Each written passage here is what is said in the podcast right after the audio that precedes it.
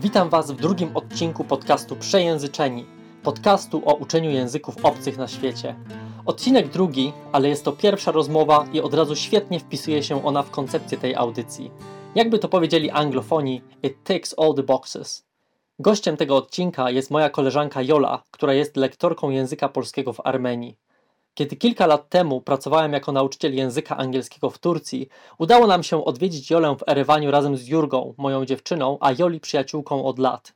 Udało się, ponieważ Turcja i Armenia politycznie niezbyt się lubią, mówiąc delikatnie, czego wyrazem jest ta niecodzienna z europejskiego punktu widzenia sytuacja, że granicy między tymi państwami nie można przekroczyć w żaden sposób, nawet powietrznie.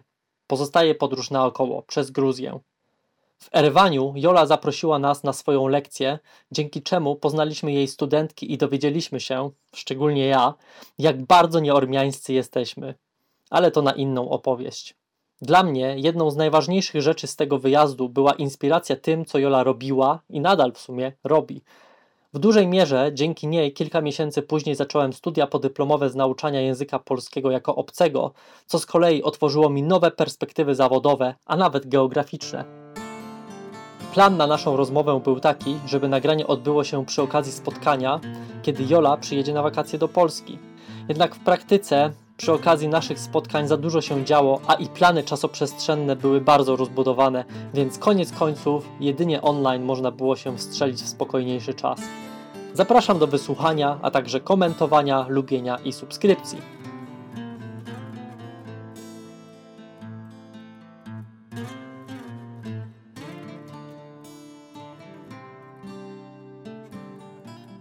Cześć Ola, e, dzięki, że się zgodziłaś na to wspólne nagranie i znalazłaś e, na nie czas w swoim e, napiętym grafiku. Witam Cię. Cześć Michale, dzięki za zaproszenie, bardzo się cieszę. No, no może na początek tak, zapytam Cię, czym się ogólnie zajmujesz i jak to się zaczęło jak to się też stało, że to trwa już tyle czasu? O kurczę. Chcesz krótką czy długą historię? E, myślę, że może być dłuższa. Jak coś, to będę cię stopować. Dobra. E, to ja od czterech lat e, jestem lektorką na Uniwersytecie imienia Brusowa w Erywaniu. Uczę tam języka polskiego, studentów z Wydziału Języka Rosyjskiego i Języków Słowiańskich. A jak to się zaczęło, że zostałam lektorką, to musimy się cofnąć kurczę, chyba jakieś 12 lat. ja mhm. po skończeniu moich studiów polonistyki, a potem kulturoznawstwa, y, pojechałam na wolontariat europejski do Gruzji. E, I tam razem z innymi wolontariuszami wybraliśmy się na taką wyprawę do Azerbejdżanu, do Iranu i między innymi właśnie do Armenii. I w Baku y, nocowaliśmy u innych wolontariuszy i tam poznałam dziewczynę, która E, była lektorką w tym baku, robiła tam zajęcia e, dla dzieci wspólnie z tą wolontariuszką i uczyła właśnie na e, uniwersytecie. I zaczęłyśmy rozmawiać, i w głowie coś mi zaświeciło, że kurczę, że jest coś takiego, że można mm, być lektorem języka polskiego, jeździć po całym świecie. Ona tam opowiadała historię o Mongolii, o Baku. Ja też byłam wtedy świeżo po studiach, sobie pomyślałam, to będzie super pomysł, żeby coś takiego spróbować. Jeszcze w tym samym roku zaaplikowałam, chyba do Uzbekistanu, jeżeli dobrze pamiętam. Na szczęście nie zostałam przyjęta, gdyż nie spełniałam warunków formalnych. Nie miałam wtedy ukończonych studiów e, glotodydaktycznych. Mm, byłam tylko po filologii polskiej i kulturoznawstwie i byłam taka oburzona. No jak to? Przecież ja skończyłam filologię polską, przecież ja wiem, jak uczyć polskiego. No ale wtedy jeszcze nie wiedziałam, że uczenie polskiego Polaków, a cudzoziemców to są dwie zupełnie różne historie. Potem wróciłam do Polski i zaczęłam szukać możliwości, mm, jak na ten lektorat się dostać. E, najpierw zaczęło się od takiego szkolenia mm, dla przedstawicieli organizacji pozarządowych. I tam było 90 godzin kursu prowadzonego przez jeszcze inne stowarzyszenie. Mm, I to były takie podstawy. To nie były jeszcze studia, ani żadna specjalizacja, ale to już było coś, co dawało jakąś tam namiastkę, początek zrozumienia, na czym w ogóle takie uczenie polega. Po skończeniu tego kursu nawiązałam współpracę ze Stowarzyszeniem dla Ziemi z Lubartowa. z okolic Lubartowa. I moje pierwsze kroki lektorskie to byli cudzoziemcy z ośrodka dla cudzoziemców w Lublinie, którzy byli na tak zwanym pobycie tolerowanym. I ja pracowałam między innymi z rodzinami, to znaczy, że ja przychodziłam do nich do domu.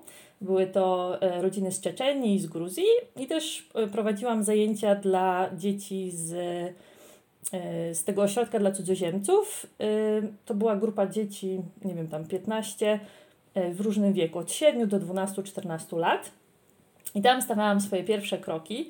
To też było dość specyficzne, bo to nie była taka przestrzeń, wiesz, gdzie uczysz w klasie, gdzie uczysz na uniwersytecie, tylko przychodzisz do kogoś do domu, do kogoś, kto dopiero co przyjechał do Polski. Zazwyczaj to nie były osoby Mm, powiedzmy w dobrym stanie psychicznym chociażby, bo starały się o status uchodźcy.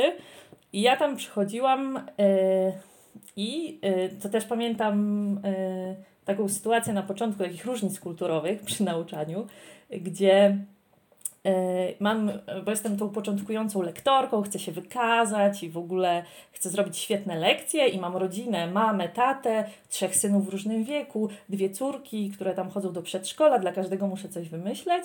No i wchodzę tam do tego domu, witamy się, poznajemy i ja tu już chcę wyciągać te wszystkie moje materiały, scenariusze zajęć i w ogóle lekcje. E, po czym e, pani e, mówi, to co? To teraz się poznamy, tak? I przynosi kawę, przynosi ciastko i mi już tam świta w głowie, przecież ja to znam z Gruzji, że najpierw muszę zbudować te relacje, żeby mógł, móc w ogóle z czymkolwiek ruszyć, nie? Więc to były takie moje początki. Bardzo lubiłam te zajęcia, się zaprzyjaźniłam z tymi niektórymi e, rodzinami. Z dziećmi to było dość duże wyzwanie, no ale potem zaczęłam szukać też takich możliwości, e, żeby ta praca była bardziej stała, e, bardziej na uniwersytecie, bardziej zorganizowana. E, I wtedy wysłałam się na studia podyplomowe w Centrum Języka i Kultury dla Polonii i Cudzoziemców w Lublinie. I tam e, skończyłam dwusemestralne studia podyplomowe z nauczania języka polskiego jako obcego. I tak naprawdę to tam dowiedziałam się, e, co to znaczy uczyć polskiego jako obcego. I to otworzyło mi drogę do aplikowania właśnie do programu dla lektorów. Ja w pierwszym roku zostałam wysłana przez Ministerstwo Nauki i Szkolnictwa Wyższego. Potem e, ten program został przejęty przez Narodową Agencję Wymiany Akademickiej i z nimi współpracuję już od trzech lat. I jeżeli chodzi o Armenię, to Armenia wybrała mnie. E, profesor, z którym miałam egzamin z gramatyki, zadzwonił i powiedział, że są różne środki, ośrodki do wyboru, ale tak naprawdę to chcieliby, żebym pojechała do Armenii, bo tam był już lektorat wcześniej prowadzony i chcieliby, żeby to było kontynuowane. No ja, że na tym Kaukazie mieszkałam w Gruzji przez 9 miesięcy, przez Erywan przyjeżdżałam, wtedy pamiętałam tylko, że było bardzo gorąco. Zgodziłam się i y, ja dowiedziałam się o tym w czerwcu, a we wrześniu już byłam w Erywaniu na uniwersytecie. Mhm. Tutaj może Ci e, troszeczkę przerwę e, tę super interesującą historię e, i chciałbym Cię zapytać, wspomniałaś o tym, że zupełnie inaczej uczy się języka polskiego obcokrajowców, a inaczej Polaków po prostu, kiedy uczymy przedmiotu język polski. Jesteś w stanie coś więcej o tym powiedzieć? Jak, jak wyglądają te różnice? Mhm. Y, to, to, to, to co ja czułam, bo y, w trakcie studiów polonistycznych miałam specjalizację też nauczycielską w programie, byłam więc na praktykach w szkole, y, i w szkole podstawowej, i w gimnazjum, i w liceum. Rozmawialiśmy dużo o literaturze, ćwiczyliśmy ortografię, gramatyka była taka oczywista. Miałam użytkowników, którzy mają ogromny zasób słów. I w zasadzie mm, no, te lekcje są dość łatwe, prawda? Dyskutujemy o literaturze, dyskutujemy o gramatyce w tym samym języku, mając duży zasób językowy. E, no i e, kiedy przychodzisz do grupy, e, tak jak sobie przypomnę tych moich Czeczenów albo Gruzinów, te pierwsze moje doświadczenia, gdzie ja jeszcze nie znałam wtedy języka rosyjskiego, bardzo był to język podstawowy, nie mamy wspólnego języka do komunikacji, Mm, no to jak tu rozmawiać o literaturze? jak tu y, rozmawiać, nie wiem, o wierszach, o książkach? Jak tak naprawdę musimy się nauczyć struktur musimy uczyć tego języka funkcjonalnie.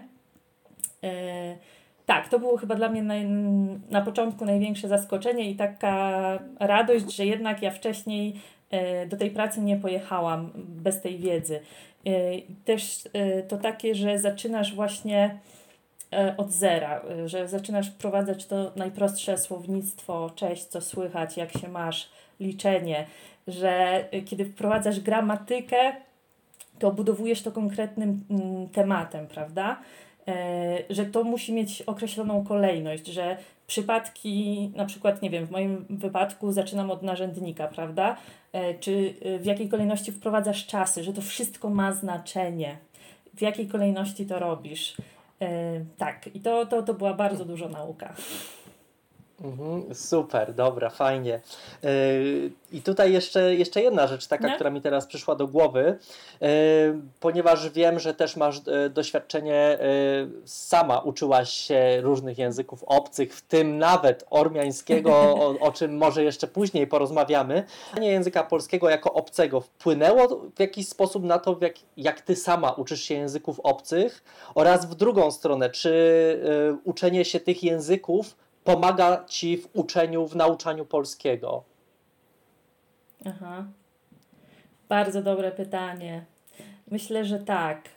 Mm, ja jak tylko zaczęłam pracę w Erywaniu, y, to na samym początku y, też mm, poszłam na zajęcia z języka ormiańskiego. Ja sobie sama wykupiłam te zajęcia e, w prywatnej szkole językowej i pamiętam, że takie miałam poczucie, mm, że ja chyba w końcu rozumiem, co czują ci moi studenci na moich zajęciach, bo ja stawiałam pierwsze kroki takie prawdziwe jako lektorka mm, i widziałam, że ci moi studenci mają różne trudności, ale jeszcze do końca nie rozumiałam.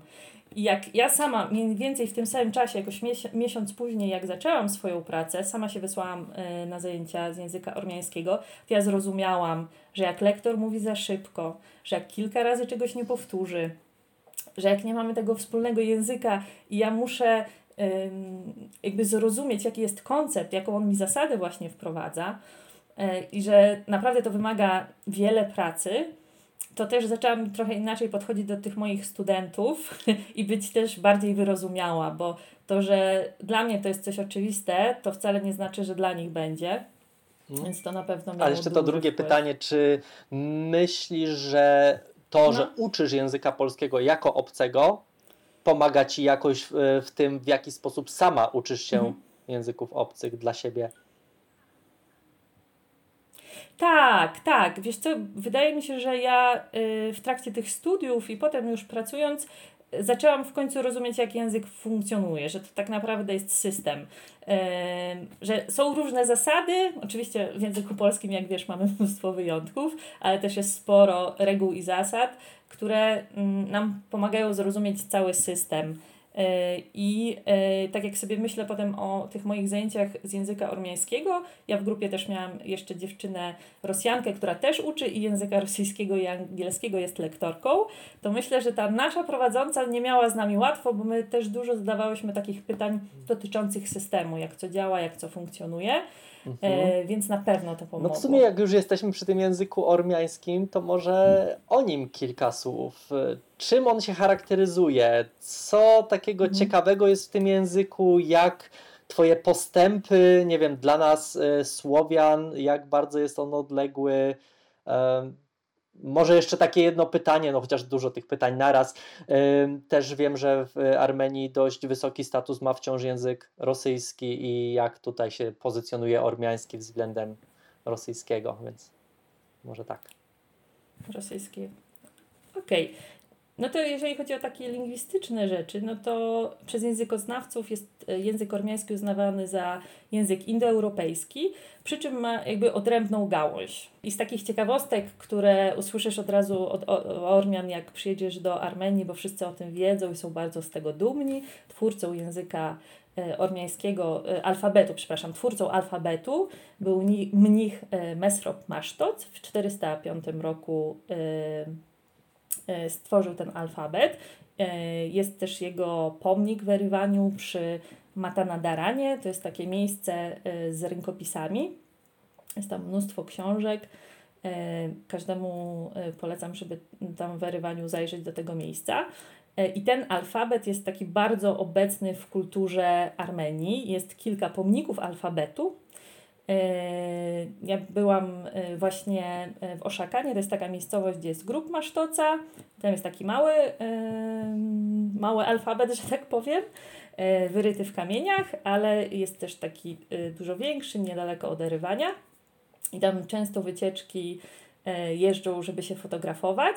I też w trakcie lektoratu mieliśmy takie jakby wyjazdy do szkół średnich, gdzie zachęcaliśmy e, przyszłych e, studentów, e, uczniów, żeby przyszli do nas na uniwersytet, to często też w tych szkołach jako dekoracje ten alfabet w szkołach się znajdował. I on jest bardzo taki, nie wiem, widoczny w różnych miejscach, na koszulkach, na zakładkach od książek. Jakby jest obecny w kulturze i Ormianie są bardzo dumni z tego alfabetu. Jeżeli chodzi o litery pisane, y, to mówi się na to, że to wyglądają jak takie robaczki, więc musiałam się pierwszy, znaczy no nie pierwszy raz w życiu, bo uczyłam się jeszcze cyrylicy, ale poznać zupełnie nowy schemat y, pisania. Mm, alfabet y, w tym momencie ma 39 liter. Nie wiem, z takich ciekawostek, które mnie zaskoczyły w trakcie uczenia i to było coś dla mnie nowego, to to, że nie ma rodzaju gramatycznego na przykład. Jeżeli chcesz stworzyć rodzaj żeński, e, to jest taka specjalna końcówka uchi i wtedy jakby możesz ten rodzaj żeński uzyskać, ale tak naprawdę jako takiego rodzaju nie ma. Jest e, taka, jakby to się nazywa na i to oznacza zarówno on, ona i ono. To dla mnie było coś nowego w trakcie nauki. E, jeżeli chodzi o samą naukę, to system gramatyczny nie był dla mnie jakoś trudny, bo już jakby rozumiem, jak język działa, jak stworzyć czas przeszły, przyszły, e, przypadki, jakby to jest e, w miarę logiczne, ale zapamiętanie słów e, to chyba była najtrudniejsza, najtrudniejszy element, bo one moim zdaniem są podobne do niczego. Jednym z moich ulubionych słów, się często też nim popisuję, jest zo E, Kentana Banakan Aigi. nie wiem, albo na przykład Kryzi, mhm. e, to jest wyspa. Więc masz e, te zbitki spółgłoskowe i różne dźwięki, które nie zawsze są łatwe do wymówienia. Jeszcze zapamiętać te słowa, jakoś je z czymś skojarzyć, to, to była chyba dla mnie najtrudniejsza rzecz.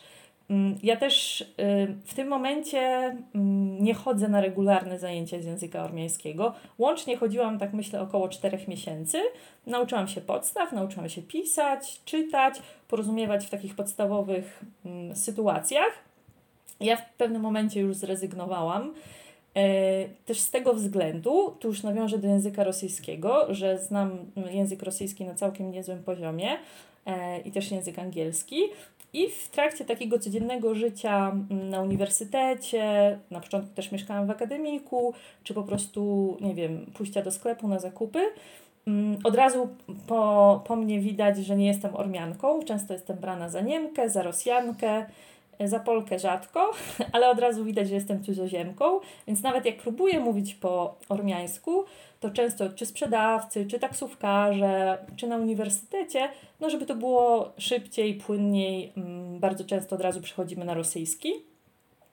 Y, I też y, ja uczę na Wydziale Języka Rosyjskiego, więc wszyscy moi y, koledzy i koleżanki też tym językiem świetnie władają, tak samo moi studenci, więc tego języka tam dużo używam.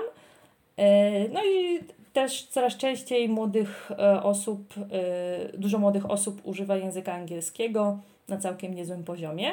No jeżeli chodzi o język rosyjski, no to też jak wiesz, e, Armenia była jedną z republik Związku Radzieckiego i ten język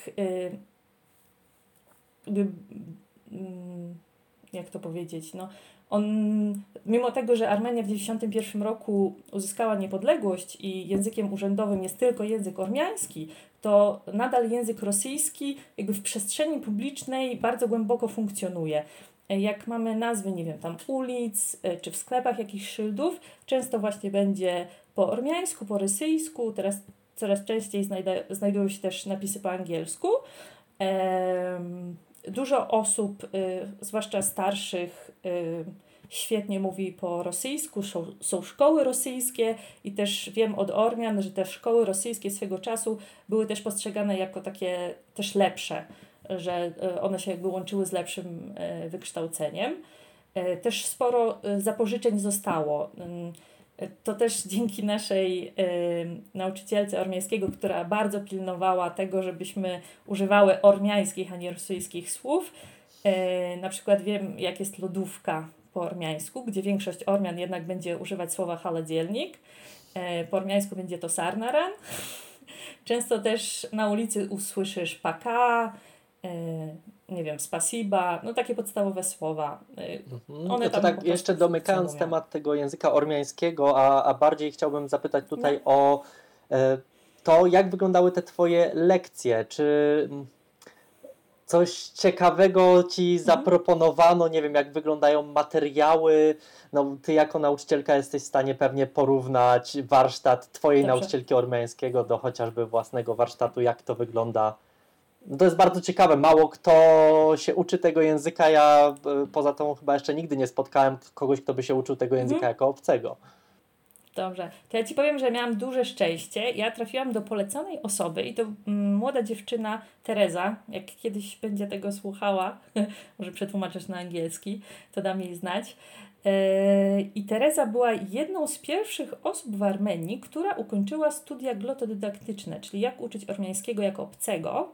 E, wydaje mi się, że ta dziedzina cały czas jeszcze się w Armenii rozwija. Ona też uczy bardzo dużo osób z diaspory, czyli e, Ormian z zagranicy, którzy przyjeżdżają do Erywania. Dużo też ma zajęć e, online.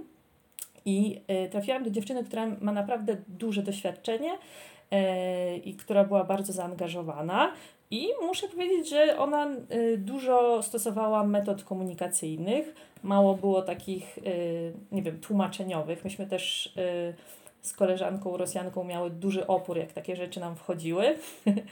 E, też proponowała nam różne aktywności, te lekcje miały jakiś rytm, dużo się działo. Myślę, że takim jednym minusem było to, że ta nau nasza nauczycielka była tak zaangażowana i dawała nam tak dużo materiału, że w pewnym momencie musiałyśmy powiedzieć stop, że nam też zależy na nauce y, języka, ale to jest za dużo. Y, momentami materiał był bardzo przeładowany i też mi się wydaje, że y, często, no taki błąd moim zdaniem, miałyśmy słownictwo z bardzo wysokiego poziomu, że ta gramatyka była bardzo podstawowa i y, momentami było bardzo dużo takiego słownictwa, nie wiem, z poziomu tam C1 powiedzmy, i to też było trudne, bo nie miałam struktur, w których mogłabym użyć tego słownictwa, a to słownictwo już y, umiałam. No i czasami też wchodziły takie momenty, tego macie się nauczyć na pamięć, to jest lista słów, y, na następnej lekcji Was odpytam.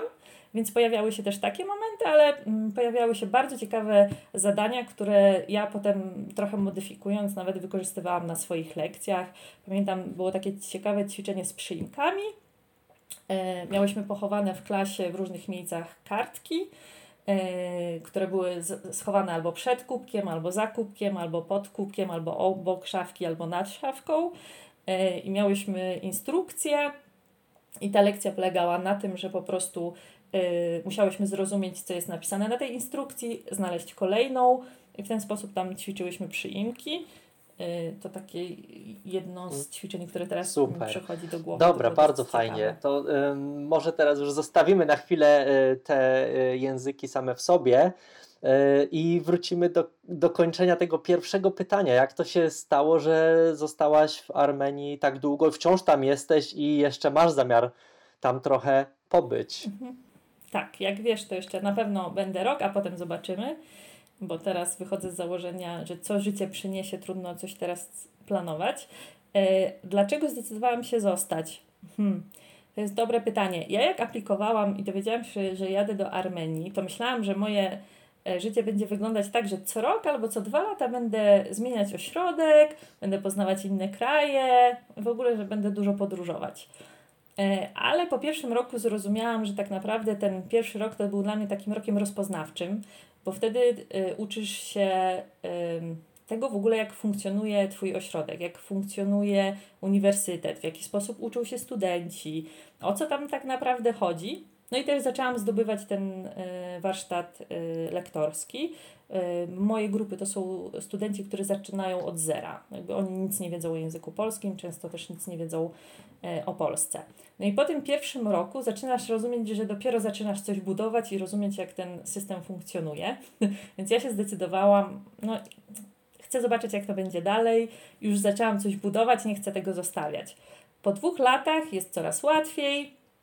Zaczynasz budować, yy, ja też, to jest dla mnie bardzo ważne też, żeby budować relacje ze studentami. Zaczynasz się do nich przyzwyczajać, lubić, poznawać. I ta praca zaczęła mi sprawiać coraz więcej przyjemności. Była też coraz łatwiejsza, y, coraz mniej stresująca, też sobie tak myślę. E, I potem ja zaczęłam sobie organizować moje życie tam. Ja zaczęłam mieć znajomych. Na to też w Armenii potrzeba czasu, to nie da się tak od razu zakumplować, e, tylko wszystko wymaga jednak e, czasu. Mm, I też zaczęłam bardzo lubić te moje życie tam. Ja nie mam zbyt dużo zajęć na uniwersytecie. Mam z reguły dwie grupy w semestrze, dwa razy w tygodniu po 90 minut. Mm, do tego od czasu do czasu organizuje jakieś tam dodatkowe mm, wydarzenia i też od czasu do czasu współpracuje ze Związkiem Polaków w Armenii Polonia i z polską ambasadą. Mm, czy czasami też jak trafi się jakaś organizacja, wydarzenia, ja bardzo chętnie e, współorganizuję, dołączam się, e, angażuję się w takie rzeczy, ale pozostaje też sporo czasu wolnego, który ja e, w dużej mierze spędzam na podróżowaniu w aktywny sposób. E, myślę, że sprawdziłam prawie wszystkie kluby rowerowe w Armenii. Dołączyłam do kilku, e, byłam na mniejszych e, i większych wyprawach. Jedna z nich to była taka 14-dniowa wyprawa prawie wokół Armenii przejechaliśmy na rowerach. Miałam jeszcze wtedy szczęście pojechać do Arcachu, czyli do Górskiego Karabachu. Yy, I to też było dla mnie duże przeżycie. Jeszcze przed y, konfliktem, yy. znaczy inaczej, ja? przed eskalacją, która niedawno się wydarzyła. Tak, tak, tak. A, to, to jeszcze od razu dodam, y, dlaczego stamtąd y, jeszcze nie wyjeżdżam i zostaję, bo w Armenii nie da się nudzić. Ja w trakcie tych czterech lat dowiedziałam się, co to jest rewolucja, co to jest trzęsienie ziemi o skali tam prawie 5 stopni. No i ostatnio niestety co to znaczy y, wojna, konflikt zbrojny. W tym roku 27 września wybuchła wojna między Armenią a Azerbejdżanem, która trwała 44 dni. Y, no i to takie wydarzenia zmieniają człowieka, zbliżają też do tego miejsca. Mm, teraz tak jak rozmawiam z Ormianami czy z Polakami, no to mówię, że w sumie to teraz mam dwa domy ten, ta Armenia to już stała się takim drugim domem. Też tam w ciągu roku więcej czasu spędzam niż w Polsce.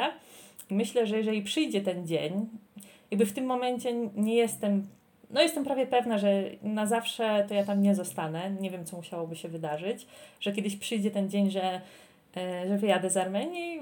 Wiem, że to nie będzie e, łatwa decyzja na pewno. Dzięki za, za tę odpowiedź i um, tak naprawdę to uprzedziłaś moje pytanie o to, jak wygląda Twoje życie w Erewaniu, ale jednocześnie no. y, chciałem też Cię zapytać, jak wygląda życie w Erewaniu jakby z Twojej perspektywy. Jakby y, czym się różni życie tam od mhm. życia Twojego w Polsce? No wiem, że trochę mieszkałaś w Warszawie, trochę w Lublinie, y, sama pochodzisz z małej miejscowości, więc jakby no ma, masz jakiś taki może pogląd na to, e, no nie wiem, różnice. E, ludzie, instytucje, kultura, e, czy mhm.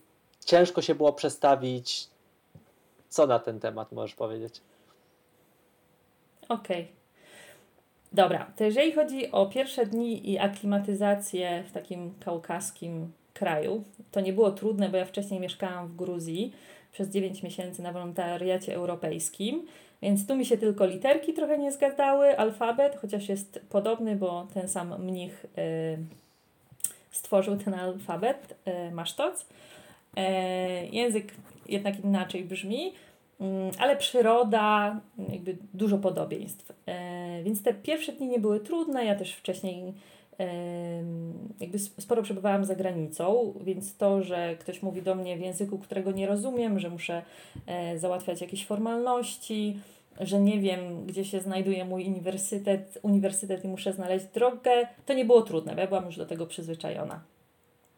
E, I teraz jak sobie myślę mm, o moim statusie, jak to wygląda, mam świadomość tego, że jestem bardzo uprzywilejowana. I jestem uprzywilejowana, bo mam pieniądze z Polski. Dostaję stypendium y, z Narodowej Agencji Wymiany Akademickiej czyli tej organizacji, która mnie wysyła, i dostaję też pieniądze mm, z uniwersytetu, takie same wynagrodzenie jak y, moje koleżanki, moi koledzy z uniwersytetu.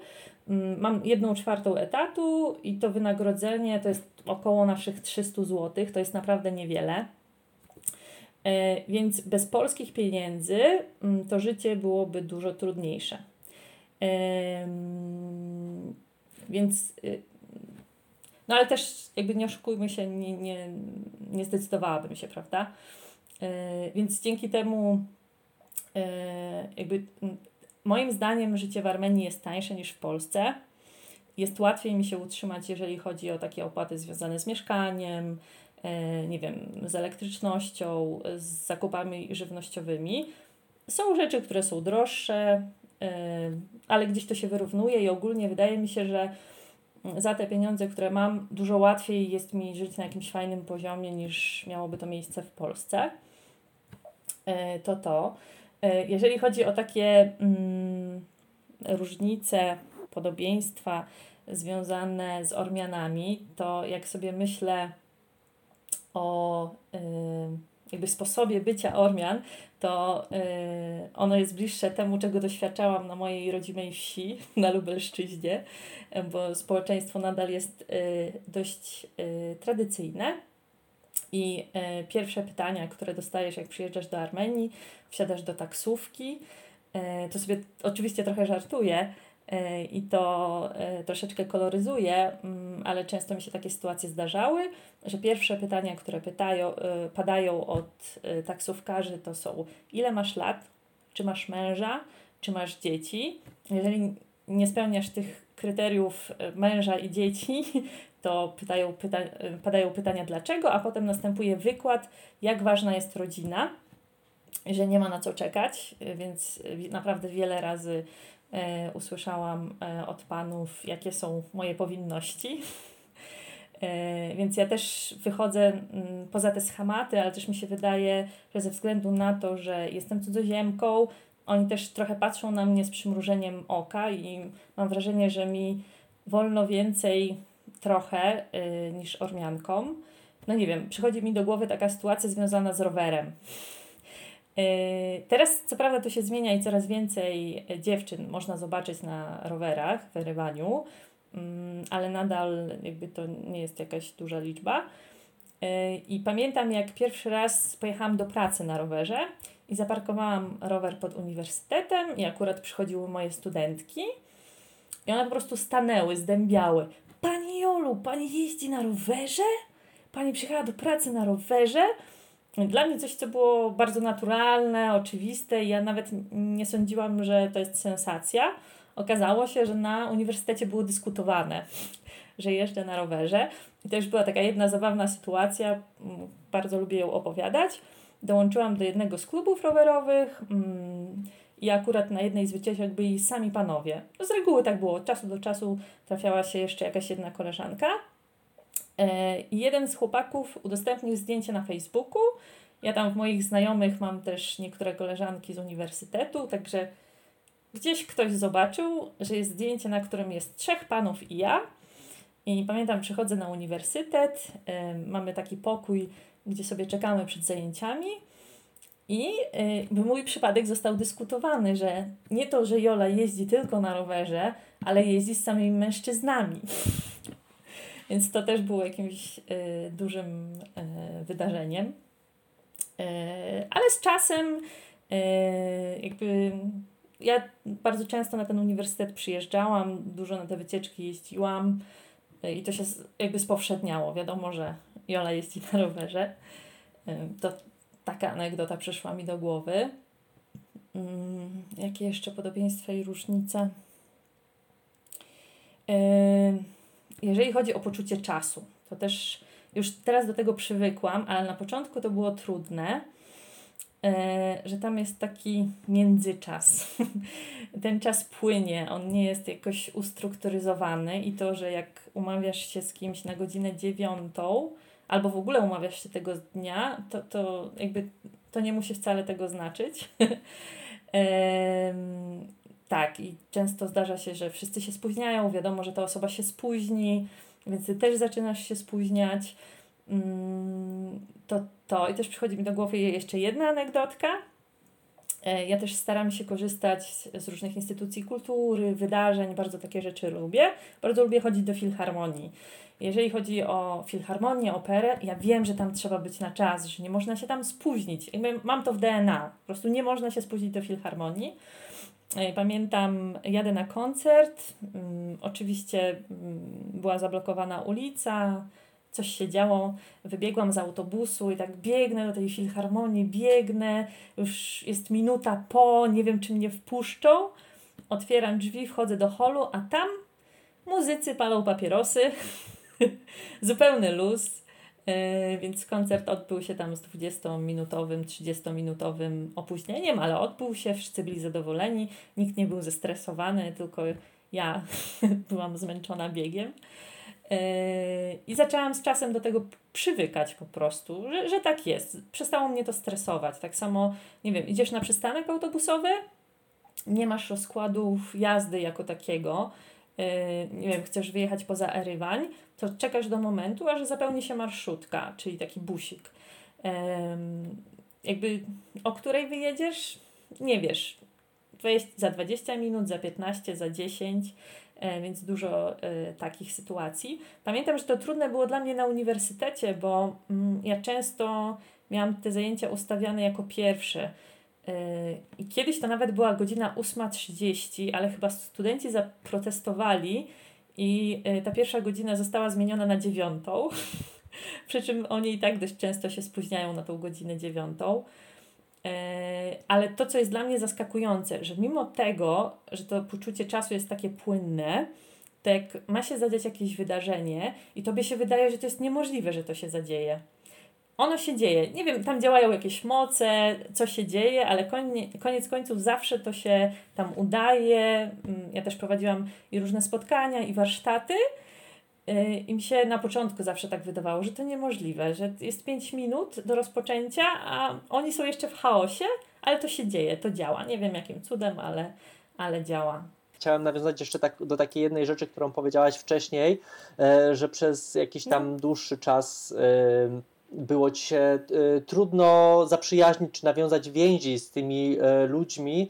I chciałem właśnie zapytać o to, czy to wynika z tych y, może różnic kulturowych, jednocześnie może troszeczkę uprzedzę i, i od razu dodam, że z tego co wiem, to udało też Ci się bardzo ciekawą więź nawiązać tam z, ze z Twoimi studentkami, z młodymi kobietami i myślę, jestem prawie pewien, że gdyby lektorem był mężczyzna, mhm pewnie by do takiej więzi nie doszło, natomiast być mhm. może umiałby nawiązać więź z kolei z, ze studentami mężczyznami. No to takie kontrowersyjne troszeczkę, mm, zaraz odpowiem y, od początku. Jak przyjeżdżasz do Armenii, to pierwsze wrażenie jest takie, że ludzie są bardzo gościnni, bardzo otwarci.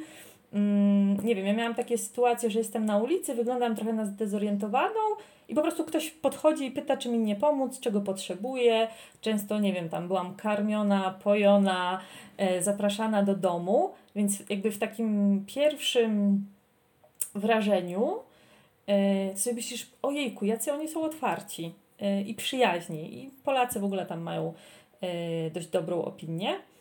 Mm, a potem przychodzi ten moment, Y, u mnie przyszedł. Myślę, że to też może być indywidualne, to nie znaczy, że to jest jakaś reguła, że miałam takie poczucie, ok, ale to jest bardzo powierzchowne, a ja chciałabym wejść w jakąś relację, z kimś się zaprzyjaźnić. I to naprawdę zajęło dużo czasu, no ale to też myślę, że to też trochę jest tak, jak w ogóle y, z relacjami, prawda? To już nieważne w jakim języku, w jakim kraju, ale na głębsze relacje potrzebujesz czasu, no do tego dochodzi jednak trochę bariera językowa, że mm, też miałam takie poczucie, że nie zawsze do końca potrafię powiedzieć to, y, co na pewno bym chciała powiedzieć, albo może być to czasami inaczej zrozumiane, ale z czasem, jak y, stajesz, stajesz się bardziej tubylcem, tak sobie myślę, dużo zaczynasz um, przeżywać podobnych rzeczy, coraz więcej rozumieć, nie oceniać, a im dłużej jestem w Armenii, um, tym trudniej mi jest odpowiadać na różne pytania. Y, przychodzi mi taka odpowiedź do głowy, to zależy od sytuacji, że nie ma czegoś czarnego albo białego i nie będę y, oceniać koleżanki, której marzeniem jest wyjście za mąż. Y, na przykład dla mnie nie jest, ale nie będę tego oceniać, bo ona ma swoje powody. To to przychodzi mi do głowy. Jeżeli chodzi o relacje ze studentkami, to ja na początku to, co jest ważne, myślę, to jest to, że ja mam małe grupy. Y, do tej pory, nie licząc jednej grupy y, nowej, dwunastoosobowej teraz, y, to miałam zawsze trzy, cztery, dwie osoby. Więc moim zdaniem jakby nie ma siły, żeby nie nawiązać relacji. Jesteś praktycznie z człowiekiem jeden na jeden. Ja jestem też w jakiś sposób dla nich atrakcyjna, bo jestem z Polski. Ja tu stoi przed nimi najprawdziwsza Polka, która mówi po polsku E, więc to już mm, masz jakieś dodatkowe punkty na starcie za oryginalność. To już jest ciekawe. E, myślę, że ta kwestia e, płci, tak się teraz zastanawiam. U mnie na uniwersytecie to też tak wygląda, że 99% to są studentki, to jest uniwersytet lingwistyczny. Bardzo rzadko zdarzają się studenci. Mm, większość wykładowców to też kobiety. E, więc nie wiem, jaka byłaby sytuacja, gdyby języka polskiego uczył mężczyzna. E, bo takiej sytuacji tam jeszcze nie było, tak mi się wydaje, odkąd jest prowadzony język polski na uniwersytecie. I ja też z tymi moimi studentkami z czasem się zaprzyjaźniam, bo na tych lekcjach wychodzą różne tematy mm, związane z relacjami, związane z rodziną, jakby po postrzeganiu różnych rzeczy. E, I miałam też takie sytuacje, że na przerwach studentki do mnie przychodziły, a to słuchałeś muzyki, a to rozmawiałyśmy. Ja też, jak organizowałam mm, na początku jakieś wydarzenia dodatkowe, na przykład to było wspólne gotowanie, no to przy tym też wychodziły różne historie, o których zaczęłyśmy mm, dyskutować.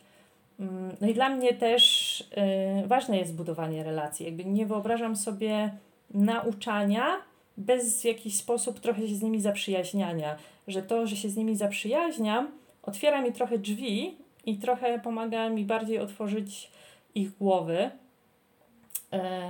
no nie wiem, dla mnie to jest bardzo ważne. Zastanawiałem się, w którym momencie e, tutaj dojdziemy do tego kontrowersyjnego fragmentu, który to był, no. który to właśnie był ten kontrowersyjny fragment. A, o mężczyźnie. Aha, no właśnie, no tak tr trudno powiedzieć.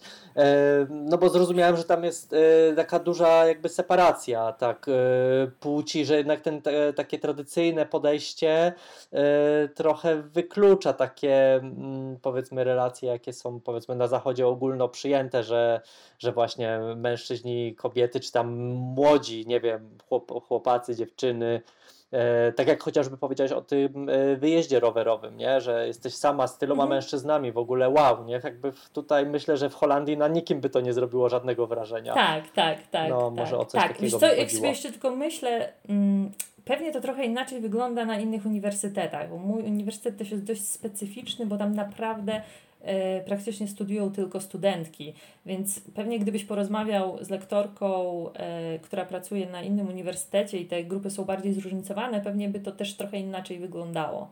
Z tego, co kiedyś opowiadałaś, tak troszeczkę zmieniając przewrotnie temat, no. to na uniwersytecie studiują same studentki, a przed uniwersytetem. A, tak! To jest świetna historia.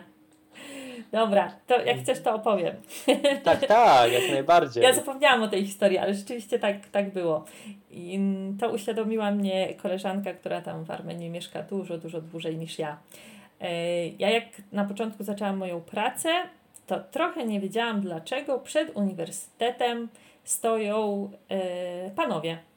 Ja na początku myślałam, że to są studenci, no ale potem jak mm, prowadzisz zajęcia, jesteś na uniwersytecie, tych mężczyzn nie widać. I potem dowiedziałam się od koleżanki Polki, która tam już w Armenii mieszka, uczy polskiego w Polonii i jeszcze na innym uniwersytecie, że to są panowie, którzy czekają na dziewczyny. Często e, to są takie sytuacje, że oni dopiero tych dziewczyn szukają, wypatrują sobie daną osobę i ją trochę tak brzydko powiedzmy śledzą, ale są też tacy, którzy jakby tych swoich dziewczyn hmm, pilnują, można by tak powiedzieć. I e, ja na początku myślałam, że to jest jakiś żart, jakaś legenda, ale miałam taką sytuację, że jedna z moich studentek widzę na zajęciach, że coś się dzieje, że jest jakaś smutna, nieobecna. Jakby wiem, że coś się dzieje. No i na przerwie zaczęłyśmy sobie rozmawiać, i z rozmowy wyszło, e, że chłopak z sąsiedniej wsi mm, przyszedł do jej taty, żeby, mm, że on chciałby nawiązać relację z jego córką, e, że no, chciałby jej się oświadczyć. Ona jakby znała tego chłopaka, ale jakby bezpośredniego kontaktu nie mieli. I on pod tym uniwersytetem czekał na nią, aż ona wyjdzie. Często jacyś koledzy byli wysyłani, żeby sprawdzić, gdzie ona chodzi, z kim ona chodzi. Ja powiem szczerze, że wtedy byłam w szoku, a dla tych moich studentek to było jakieś takie oczywiste, naturalne, że tak, tak się dzieje. Historia w sumie skończyła się chyba pozytywnie bo koniec końców jakoś chyba udało im się dogadać i niedawno mieli wesele i wzięli ślub. E, ale nie wiem, jak wyglądają inne historie. Mhm. Super. A powiedz coś więcej w takim razie ogólnie, jacy są ci ormiańscy studenci, czy jak w Twoim mhm. wypadku e, wynika z tego studentki? Nie wiem, czym się różnią od e, polskich studentów bądź studentek? E, jakieś, jak się różni ich podejście do studiowania, a może się wcale nie różni? Mhm. E, no już opowiedziałaś o tym, że, że raczej nie lubią zbyt wcześnie wstawać. Tak, tak, tak. tak. Co więcej? E, to ja tylko muszę nadmienić, że ja mówię o doświadczeniu mojego uniwersytetu mm, i to jakby w innych miejscach może wyglądać trochę inaczej. Po pierwsze, e, studentki są młodsze, oni trochę e, później, e, przepraszam, wcześniej zaczynają studiować. Także oni od tych naszych studentów są rok, dwa lata młodsi. I ja, mm, jak rozpoczynałam moją lektorską przygodę, to miałam na początku trochę wrażenie, jakbym pracowała z licealistami, czasami nawet z gimnazjalistami, e, że tam mało jest takiej pracy własnej, że oni się dobrze czują, jak coś jest ustrukturyzowane, e, jak mają dokładnie powiedziane, co mają zrobić. Plan musi być dokładnie rozpisany, że trochę mało tam jest takiej własnej inwencji, czy własnego poszukiwania, własnego wychodzenia. Często też mm, przy jakichś tam formalnościach y, różnych jakby potrzebowali mm, pomocy związanych na przykład y, z wyjazdami na szkoły letnie, kiedy to jeszcze było możliwe przed pandemią, żeby wyjechać do Polski. E, często też to były pierwsze wyjazdy zagraniczne tych moich studentów, a to może za chwilę jeszcze trochę o tych szkołach letnich e, opowiem. E, jeżeli chodzi o studentów w kontekście języka polskiego, bo to też jest ciekawa historia. Ja jak wyjeżdżałam, mm, to sobie myślałam, jakie to ja kluby nie będę tworzyć, o czym my to nie będziemy dyskutować, rozmawiać i tworzyć projekty. No potem się dowiedziałam, że będę uczyć studentów od zera, poziom podstawowy. E, e, poczekaj, trochę wątek straciłam. Aha, jeżeli chodzi o język polski. I mm, ja myślałam, że oni jakby decydują się świadomie na ten język polski, że chcą, że mm, cośkolwiek o tej Polsce wiedzieli, może mają jakieś polskie korzenie, albo rodzina wyjeździa, wyjeżdżała do Polski, ale w większości sytuacja wygląda tak, bo oni ten język polski mają jako tak zwany język trzeci. Oznacza to, y, że mają go przez pięć semestrów, dwa razy w tygodniu. Y, zaczynają kurs polskiego na drugim roku. I mają wybór między językiem polskim a językiem bułgarskim, co do końca nie jest wyborem, bo mm, no, z reguły są proszeni o podzielenie się tak, żeby powstały dwie grupy. One mogą być tam, no jak masz cztery osoby, to trudno jakby rozumiesz. Mhm. Jak masz, nie wiem, tam 20 osób, wtedy można mówić o jakimś wyborze, ale przy czterech, no, mają powstać dwie grupy, taka jest z reguły prośba. Mhm. Yy, często naprawdę nie wiedzą nic o Polsce, o języku polskim. Ich motywacja, yy, to powiedziały mi moje studentki, które to była pierwsza grupa, która którą przeprowadziłam przez cały proces, przez wszystkie semestry na zakończenie kursu języka polskiego. E, razem poszłyśmy na kawę. No mówię, dobra dziewczyny, to powiedzcie mi teraz tak naprawdę, dlaczego wybrałyście język polski? Jedna mówi, jak ja zobaczyłam pani niebieskie oczy, myślałam, no nie, no to bo niebieskie oczy. Inna powiedziała, bo sala ma klimatyzację i w ogóle sala jest bardzo ładna. Jeszcze inna, bo mama mi kazała.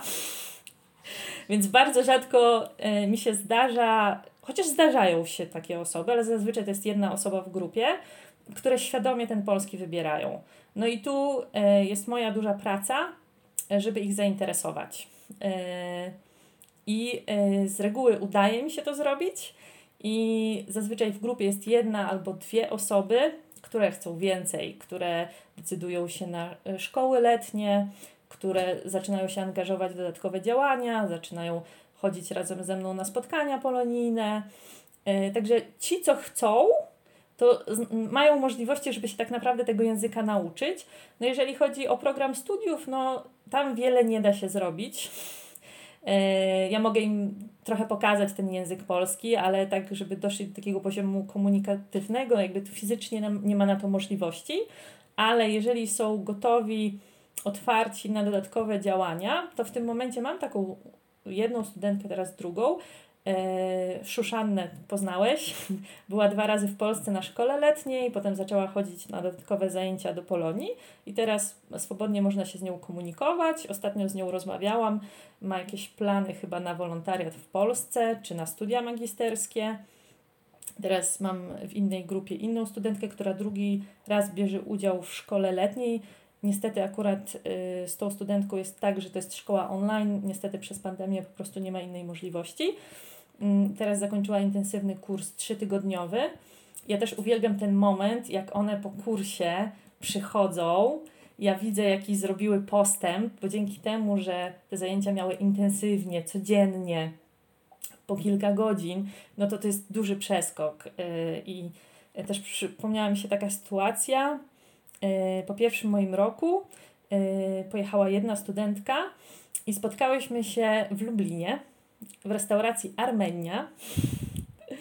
I to był. E, ja miałam z nimi wtedy.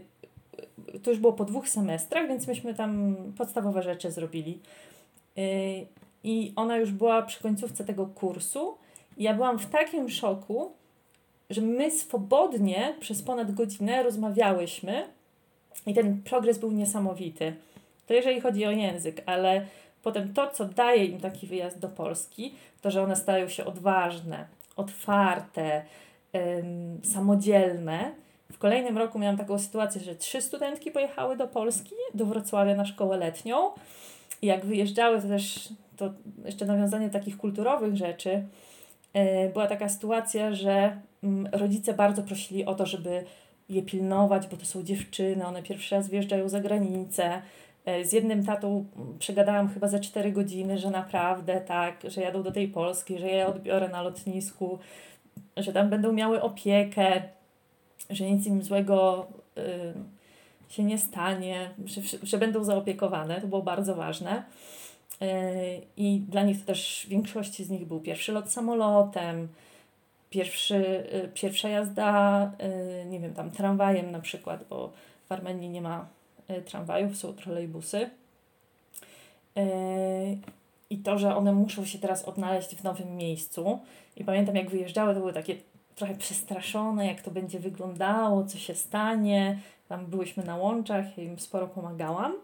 A potem jak wracały z tej szkoły letniej, to dostawałam tylko informację, Pani Jolu, kupiłyśmy już bilety, to i to mamy załatwione, proszę się nie martwić, do zobaczenia w Erywaniu. I e, to po prostu były inne, inne osoby, inne studentki, więc tak sobie myślę jakby o wartości lektoratu i w tych szkół letnich, że to nie jest tylko nauka języka. To też jest patrzenie, jak ci studenci się rozwijają, otwierają, dorośleją.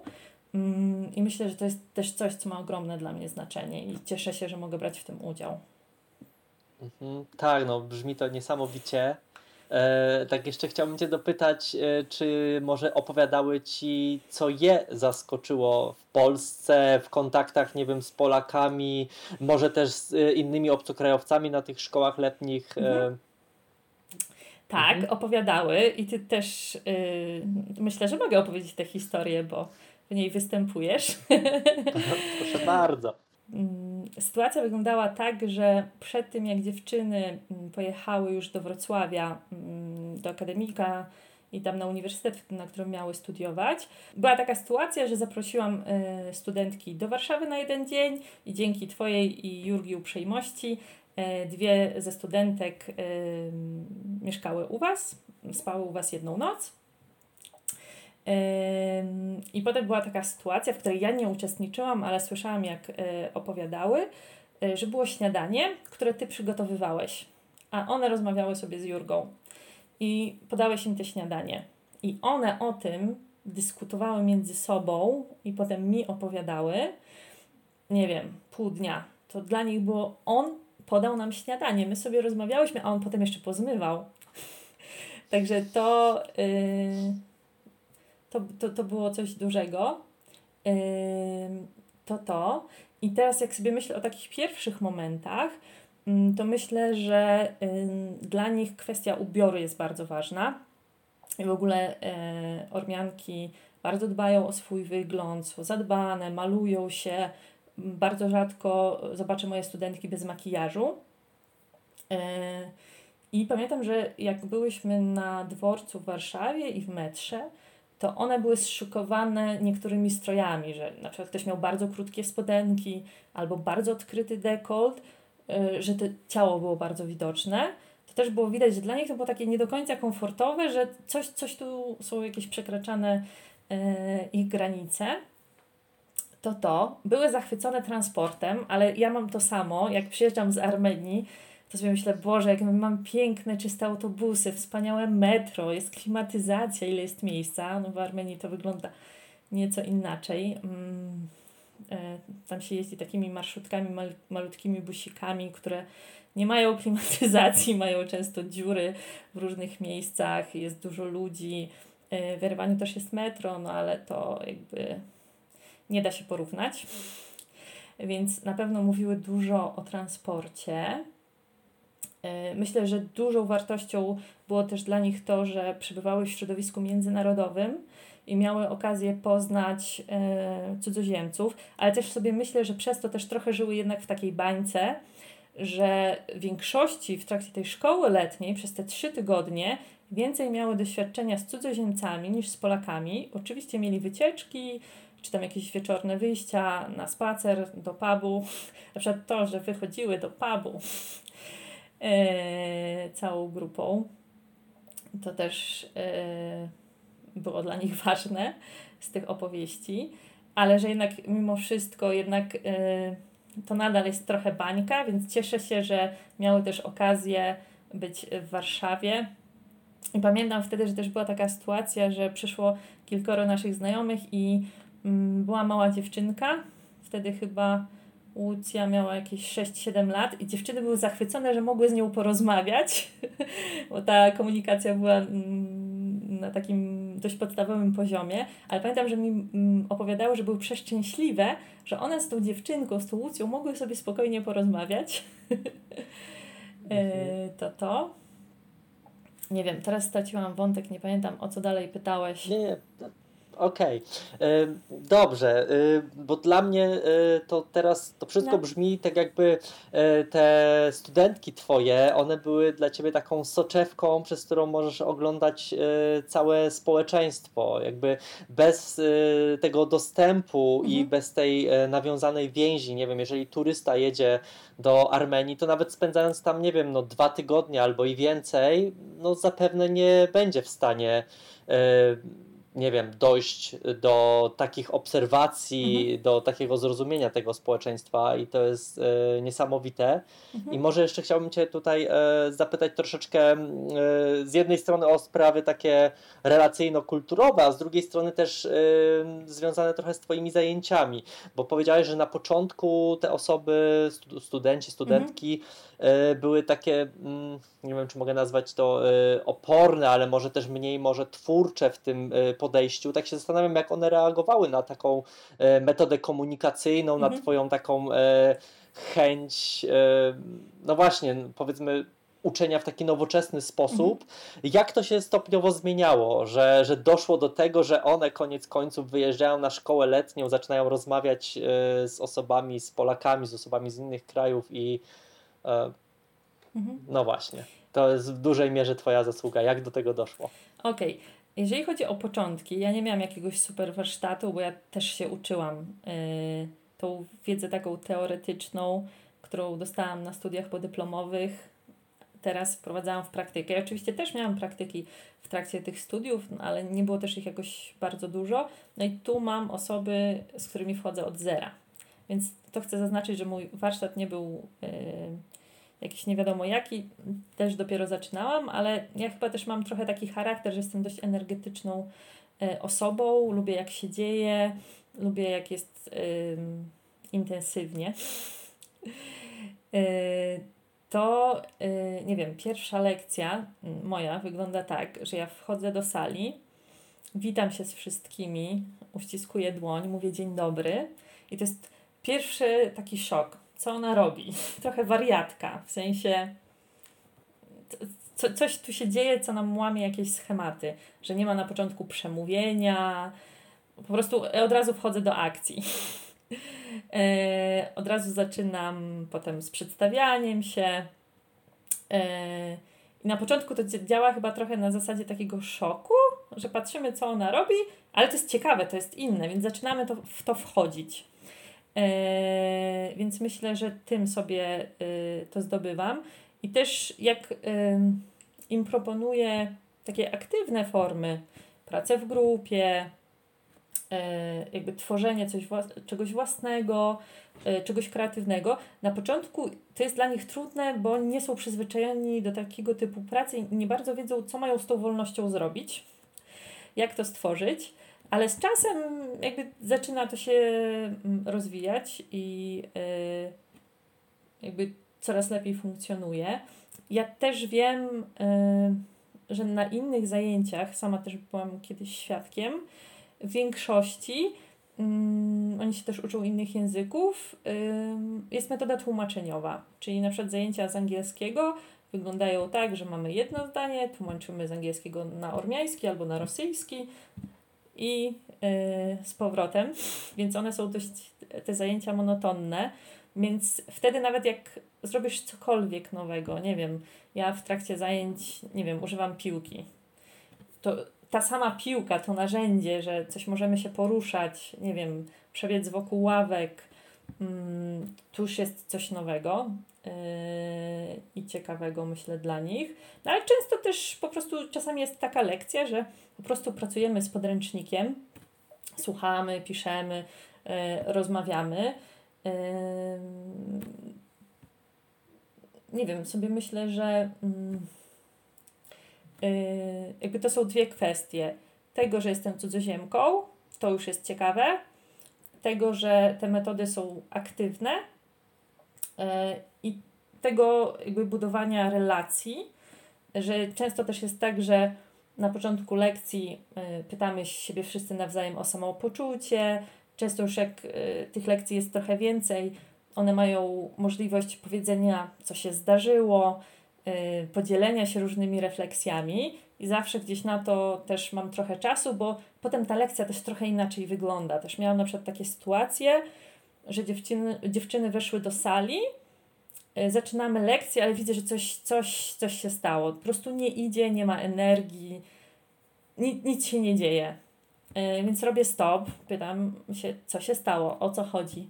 No, okazało się, że tam były jakieś problemy, yy, nie wiem, związane chyba z praktykami i one miały jakąś nieprzedyskutowaną rzecz między sobą, coś tam miały chyba załatwić z panią dziekan. Jak dałam im te dwie minuty na to, żeby o tym opowiedzieć, ta lekcja miała szansę pójść dalej. Więc takie rzeczy też się dzieją. Myślę, że to gdzieś nas tam zbliża. No i też ja mam sporo z nimi do czynienia po zajęciach. E, nie wiem, na przykład to wspólne gotowanie, czy e, wychodzenie na jakieś wydarzenia polonijne mm, daje mi jeszcze tą szansę, żeby być z nimi poza uniwersytetem. Nie wiem, wycieczka do sąsiedniego miasta na spotkanie wielkanocne była komentowana potem jeszcze przez cały semestr, że jechałyśmy razem pociągiem. Część z dziewczyn w ogóle pierwszy raz była w tej miejscowości. I ta wspólna wyprawa, yy, to jakby to jest coś, co daje mm, jakby tą dodatkową energię, że one też potem chętniej przychodzą na te lekcje, zaczynają się interesować dodatkowymi rzeczami. Mhm, super, no brzmi to też bardzo fajnie. E, no myślę, że powoli tutaj będziemy zbliżać się do końca, więc e, tak jak mówiłaś e, mniej więcej na początku będziesz w Erewaniu przynajmniej jeszcze przez rok.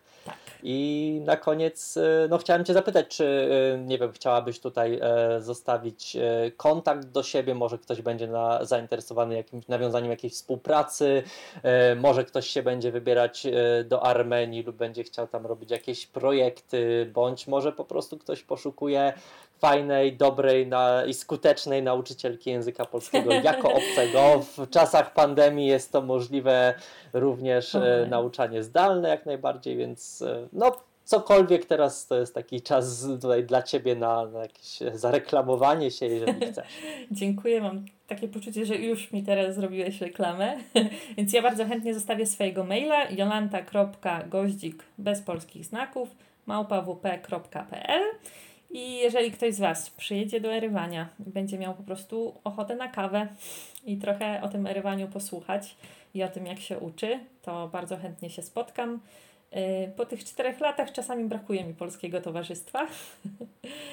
Y, jeżeli ktoś z Was y, szuka nauczyciela online, jestem do usług, czy osoby, która jest otwarta do współpracy przy różnych projektach edukacyjnych. Ja też swego czasu dość długo współpracowałam z różnymi organizacjami pozarządowymi, mam też doświadczenie związane z prowadzeniem różnego typu warsztatów, też kończyłam szkołę trenerską, więc jakby ten zakres działań e, związanych z językiem polskim, ale też e, z kulturą jest dość szeroki, także jest to bardzo otwarta na różnego typu współpracę i chętnie się w takie rzeczy angażuję, także śmiało.